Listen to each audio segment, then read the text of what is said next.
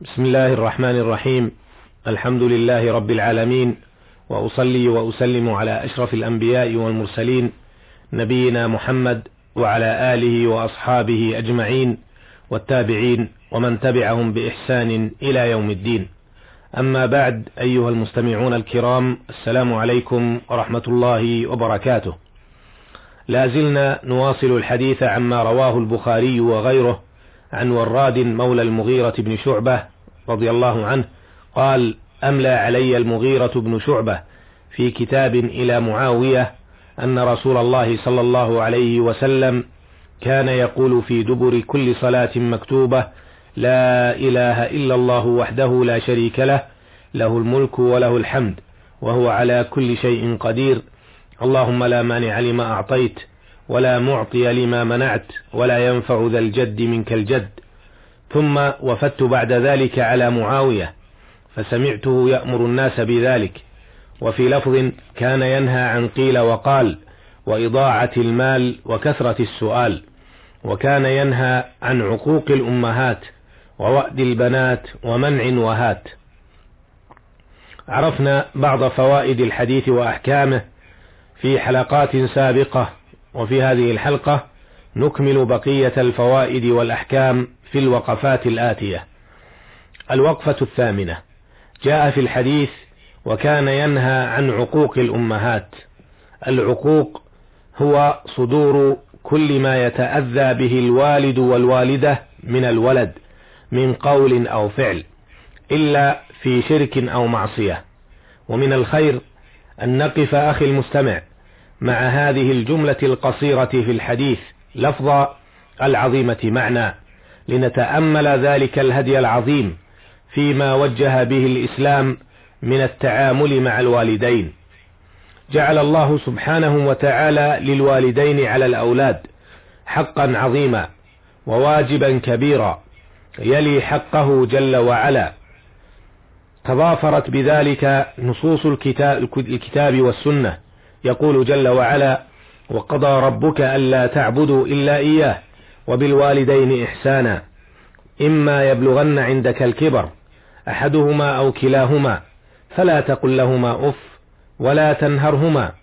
وقل لهما قولا كريما واخفض لهما جناح الذل من الرحمة وقل رب ارحمهما كما ربياني صغيرا.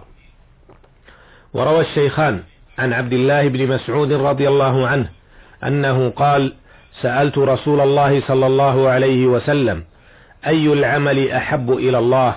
قال الصلاة على وقتها. قلت ثم أي؟ قال بر الوالدين. قلت ثم أي؟ قال الجهاد في سبيل الله. وبر الوالدين يشمل أمورا عديدة منها بذل المعروف لهما والإحسان إليهما بالقول والفعل والمال.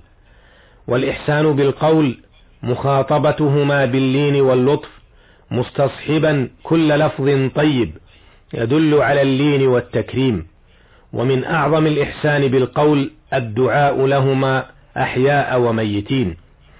ومن الإحسان بالفعل خدمتهما ببدنك ما استطعت وقضاء حوائجهما ومساعدتهما في تيسير أمورهما. وطاعتهما في غير ما يضرك في دينك. ومن الإحسان بالمال البذل من مالك في كل ما يحتاجان إليه. طيبة به نفسك منشرحا به صدرك غير متبع له بمنة أو أذى. بل تبذله وأنت ترى أن المنة لهما في ذلك في قبوله والانتفاع به. أخي المستمع وبر الوالدين لا يقتصر حال حياتهما بل يتأكد بعد موتهما. ومن البر بعد الممات الاستغفار لهما والدعاء لهما بالرحمة والعفو ودخول الجنة والنجاة من عذاب القبر ونار جهنم. وإجراء صدقة عنهما تنفعهما. جاء فيما رواه مسلم وغيره أن النبي صلى الله عليه وسلم قال: إذا مات ابن آدم انقطع عمله إلا من ثلاث صدقة جارية أو علم ينتفع به أو ولد صالح يدعو له. أيها المستمعون الكرام ليستشعر الفرد حق أبويه حق الاستشعار. ألا يدعو للتأمل ما تقوم به الأم من تحمل آلام الحمل والولادة والرضاع وسهر الليل وتعب النهار.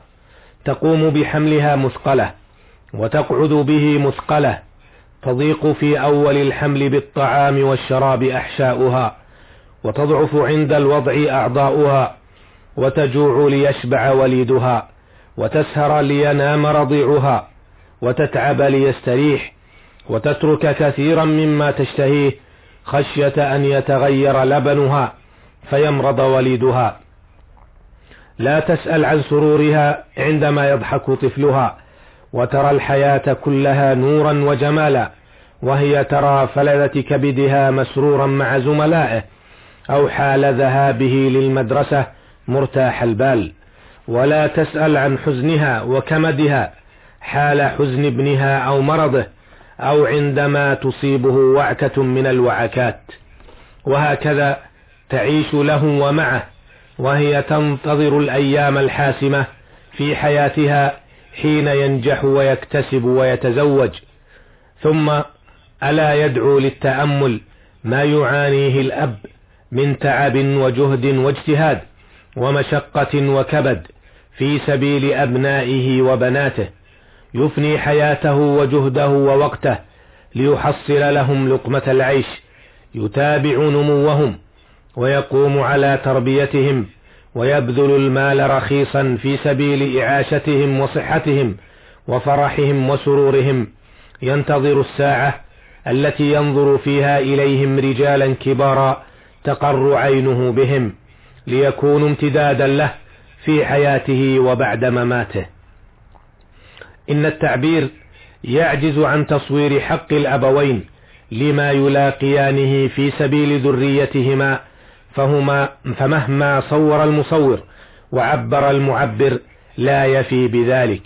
ولهذا كله جعل الله سبحانه وتعالى رضاه معلقا برضاهما وسخطه معلقا بسخطهما.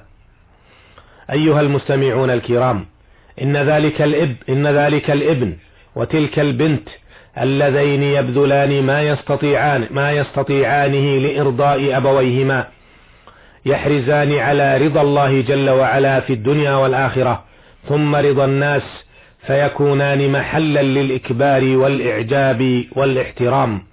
أما الآخرون الذين لا يبالون بوالديهم, بوالديهم قولا وفعلا وهمهم إرضاء أنفسهم وإشباع شهواتهم يختارون من الكلام أسوأه لهما ويختارون لأصدقائه ما أحسنه يعبس ذلك الابن في وجه أبويه ويبث في وجوه الآخرين يعز زوجته ويرضيها ويذل أمه ويسخطها يدخل على زوجته وأولاده.